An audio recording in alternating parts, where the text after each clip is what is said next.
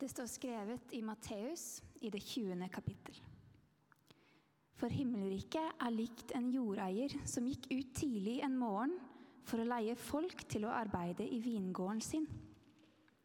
Han ble enig med arbeiderne om én denar for dagen og sendte dem av sted til vingården. Ved den tredje time gikk han igjen ut, og han fikk se noen andre stå ledige på torget. Han sa til dem, Gå bort til vingården, dere også. Jeg vil gi dere det som er rett. Og det gikk. Ved den sjette time og ved den niende time gikk han ut og gjorde det samme. Da han gikk ut ved den ellevte time, fant han enda noen som sto der, og han spurte dem, Hvorfor står dere her hele dagen uten å arbeide? Fordi ingen har leid oss, svarte de. Han sa til dem, Gå bort til vingården, dere også. Da kvelden kom, sa eieren av vingården til forvalteren. Rop inn arbeiderne og la dem få lønnen sin. Begynn med de siste og gå videre til de første. De som var leid ved den ellevte time, kom da og fikk en denar hver. Da de første kom fram, ventet de å få mer men de fikk også én denar.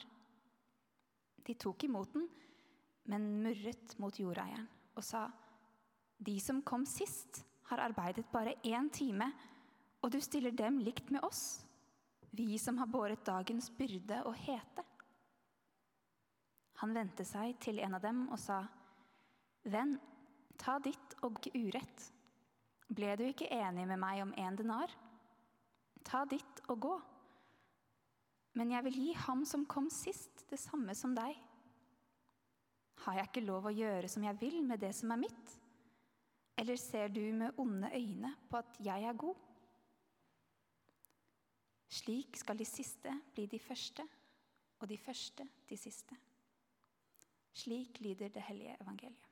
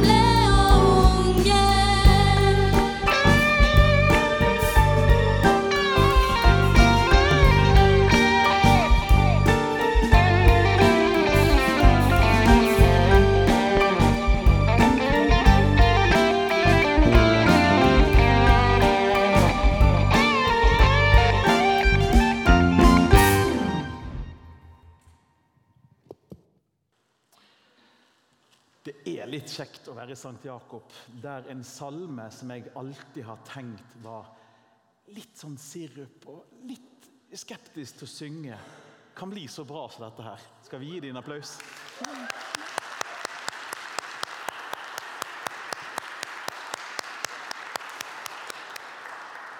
Det løfter jo gamle tekster og gamle salmer til nye høyder, så jeg er veldig fornøyd med det.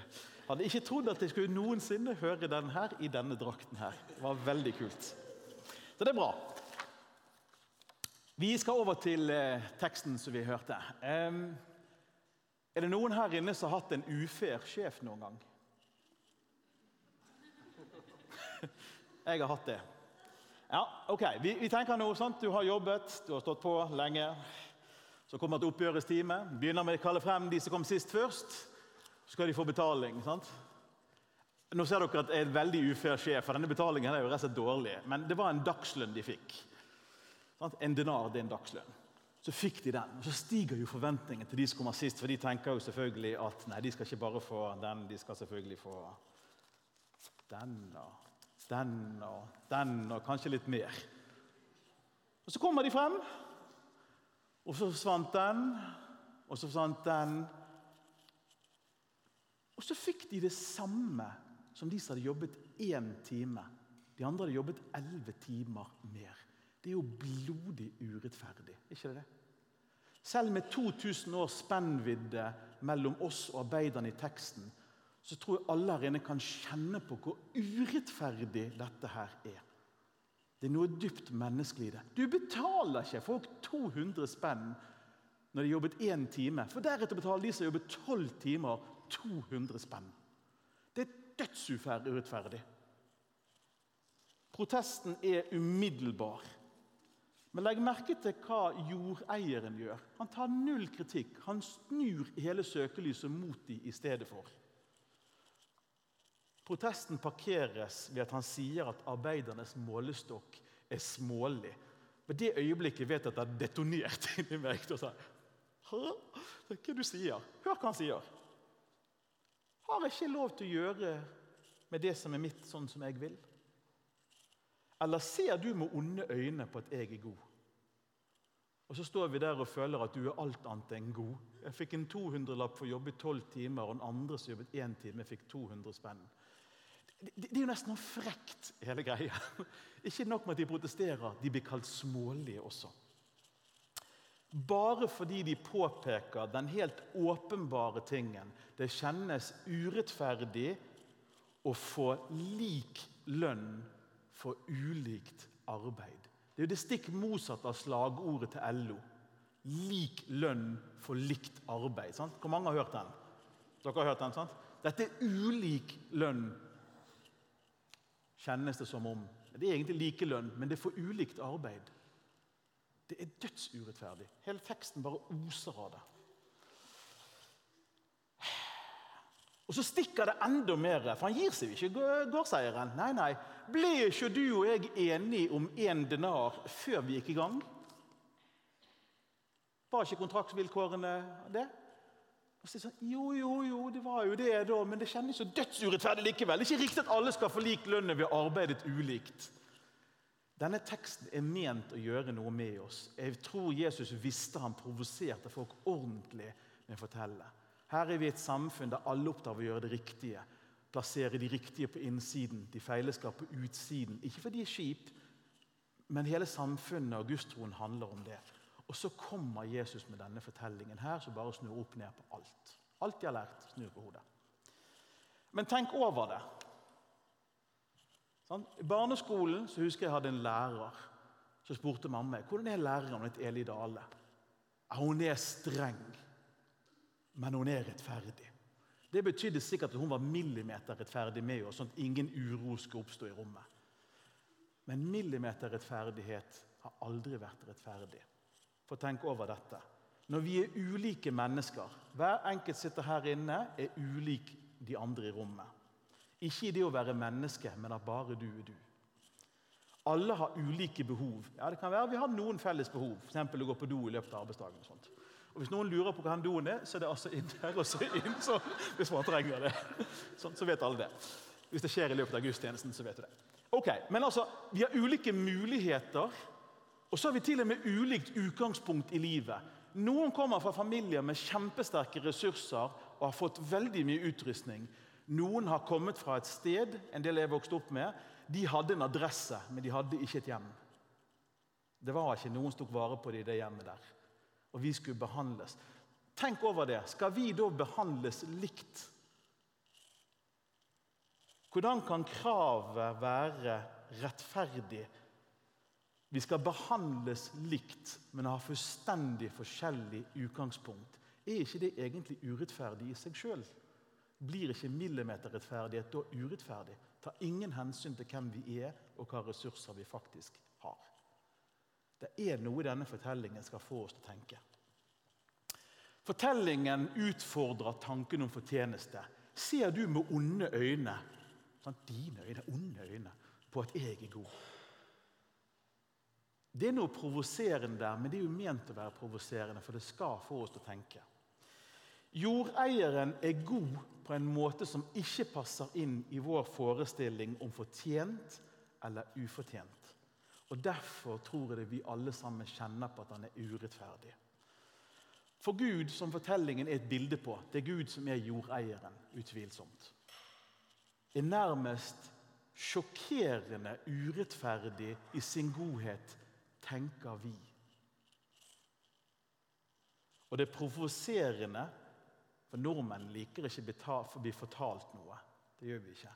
Når vi blir fortalt at til og med vår forestilling om rettferdighet er helt feil, da blir vi provosert og at Guds urettferdige rettferdighet er rett.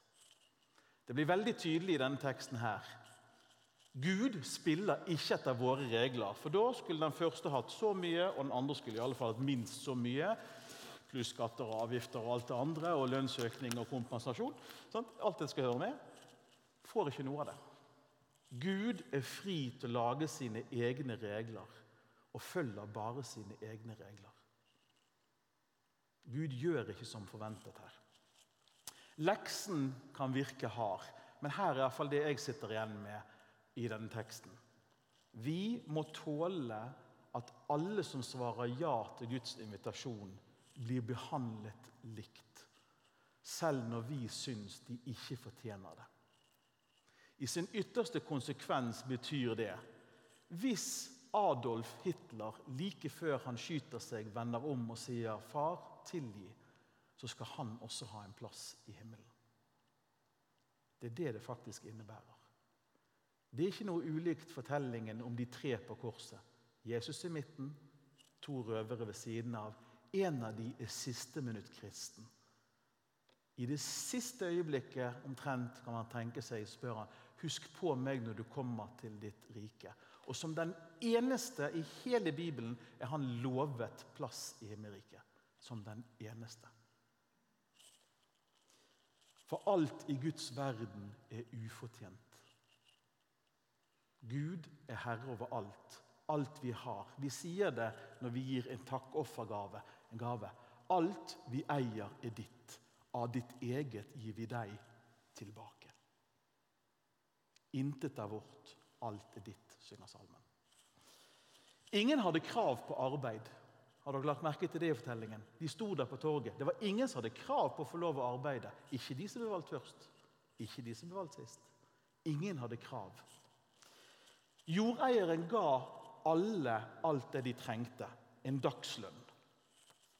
Én dagslønn. Ikke mange. Én. Alle fikk like mye. Har dere merket det? Alle fikk nøyaktig like mye. Også de som egentlig ikke hadde fortjent det ut fra vår rettferdighetssans. Legg også merke til det andre. Ingen fikk mer enn de trengte. En dagslønn er det du trenger for å overleve. De fikk det de trengte for å overleve. De fikk ikke mer. Men de fikk heller ikke mindre. Alle fikk en ny start den dagen der, for de ble alle sammen invitert inn. Uten at noen hadde krav på å komme inn. Det er den samme guden vi tror på den dag i dag.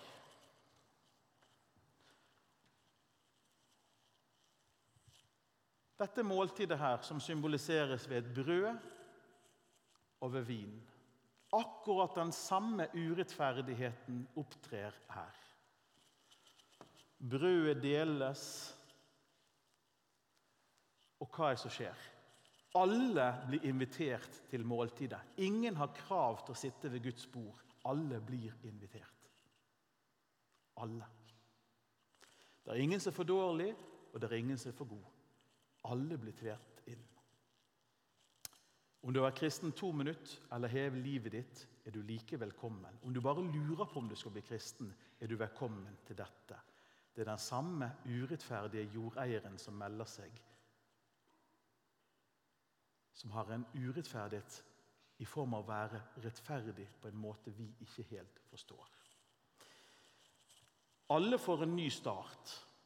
Ingen får mer enn de trenger, men alle får det de trenger. Så vi kan spise ufortjent. Så får vi også litt å drikke til. Ublandet saft er ikke godt, det kan jeg si nå. Men det er greit.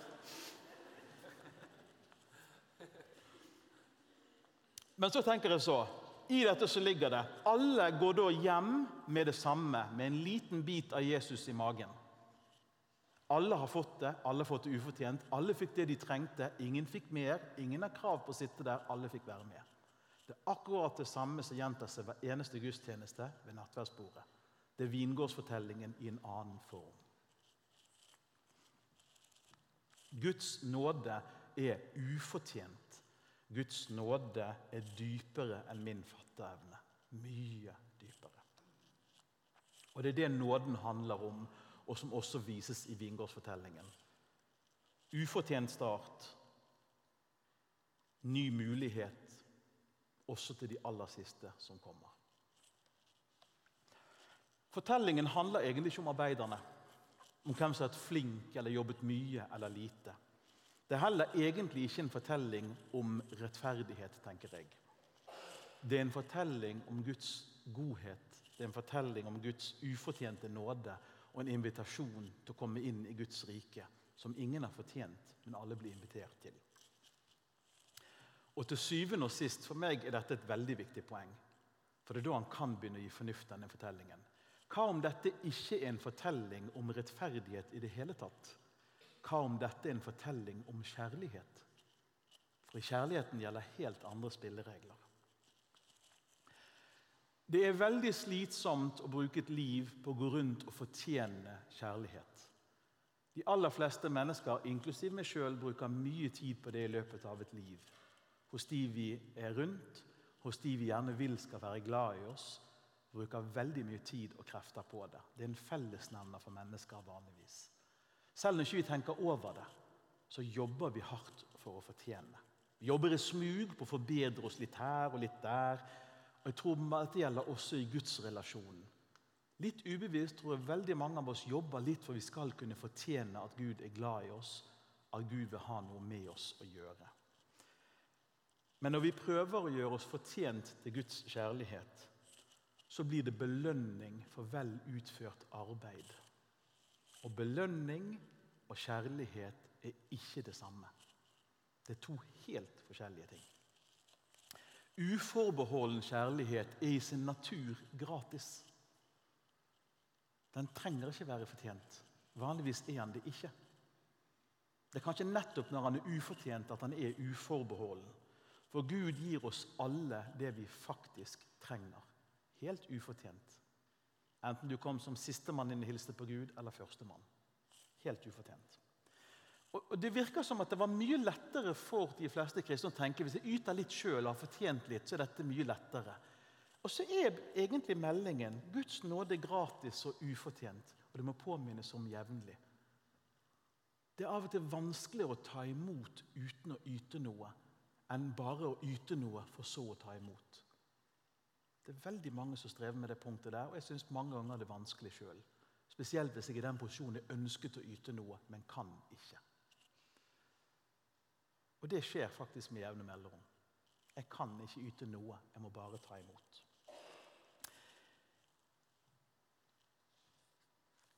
Vi spør jo i teksten sant, med en gang har noen gjort seg fortjent til lønn. Det er jo det de spør om, arbeiderne. Og vi konkluderer jo òg du har ikke gjort deg fortjent til å få det samme som oss. Vi skulle iallfall hatt mye mer enn deg. Det er ikke fortjent at du får det samme som oss. Og Så sier egentlig teksten oss indirekte dere stiller helt feil spørsmål. Det handler ikke om å fortjene eller ei. Spørsmålet i teksten er hvor god er Gud? Har ingenting med fortjeneste å gjøre. Det handler ikke om vår prestasjon, men om Guds godhet og vilje til å inkludere. Og Da kommer vi til et annet punkt i gudstjenestene. Vi ser det ikke så ofte her. Nå tenker vi at eh, Sånn, ja. Litt umedgjørlig liten baby. Dette her, det er foreløpig ukjent for meg hvem det er. Det er en baby. Det kunne vært deg, kunne vært meg, kan være hvem som helst av oss.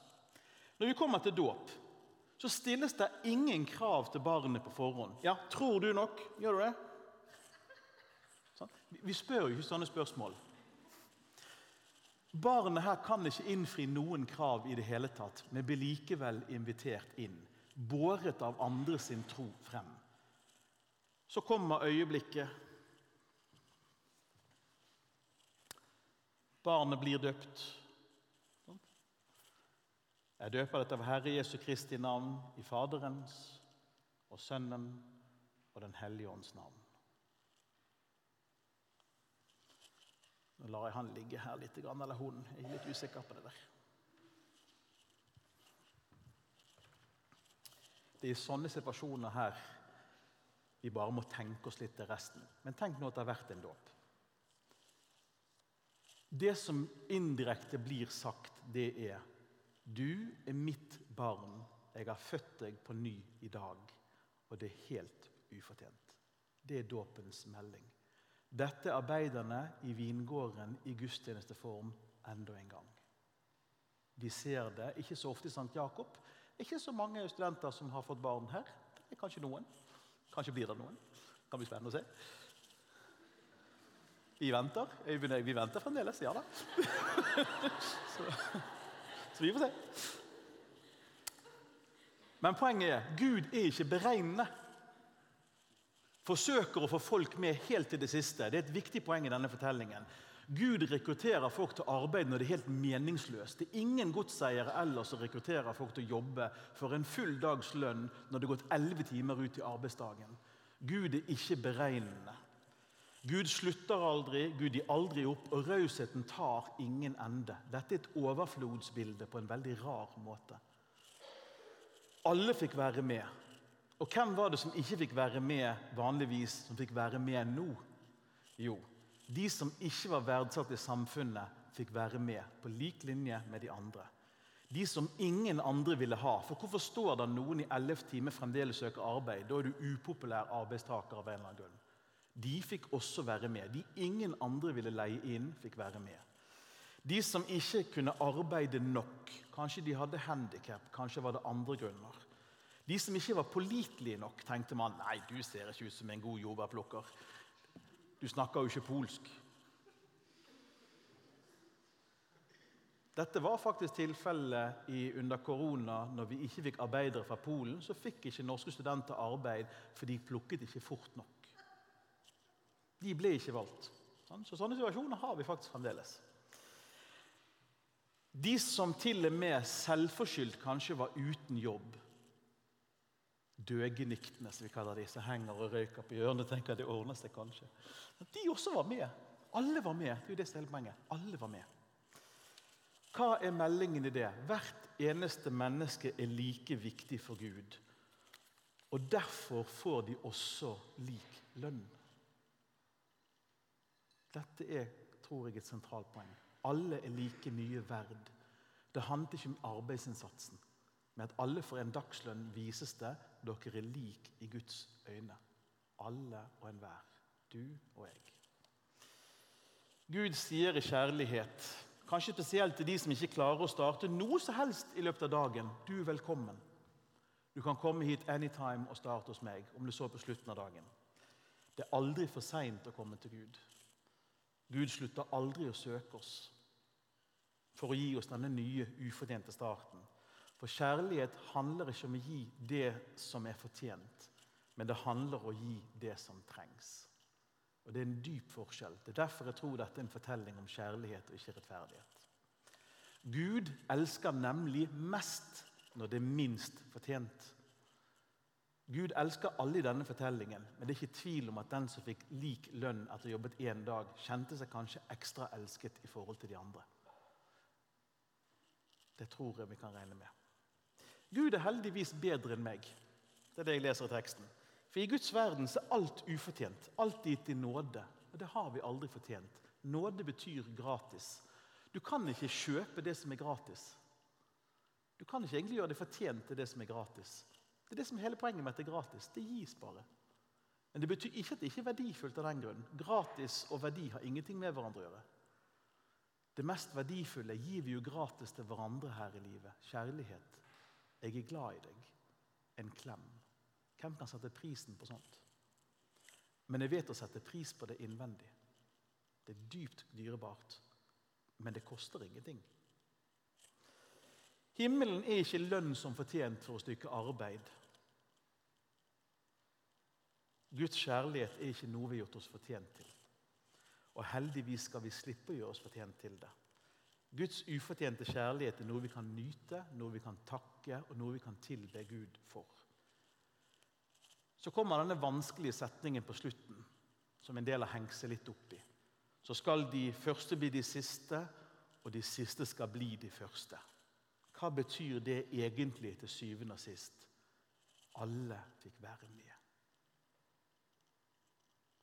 Det tenker jeg er hovedpoenget. Alle fikk være med. Men kanskje ikke den rekkefølgen vi hadde sett for oss. Men alle fikk være med.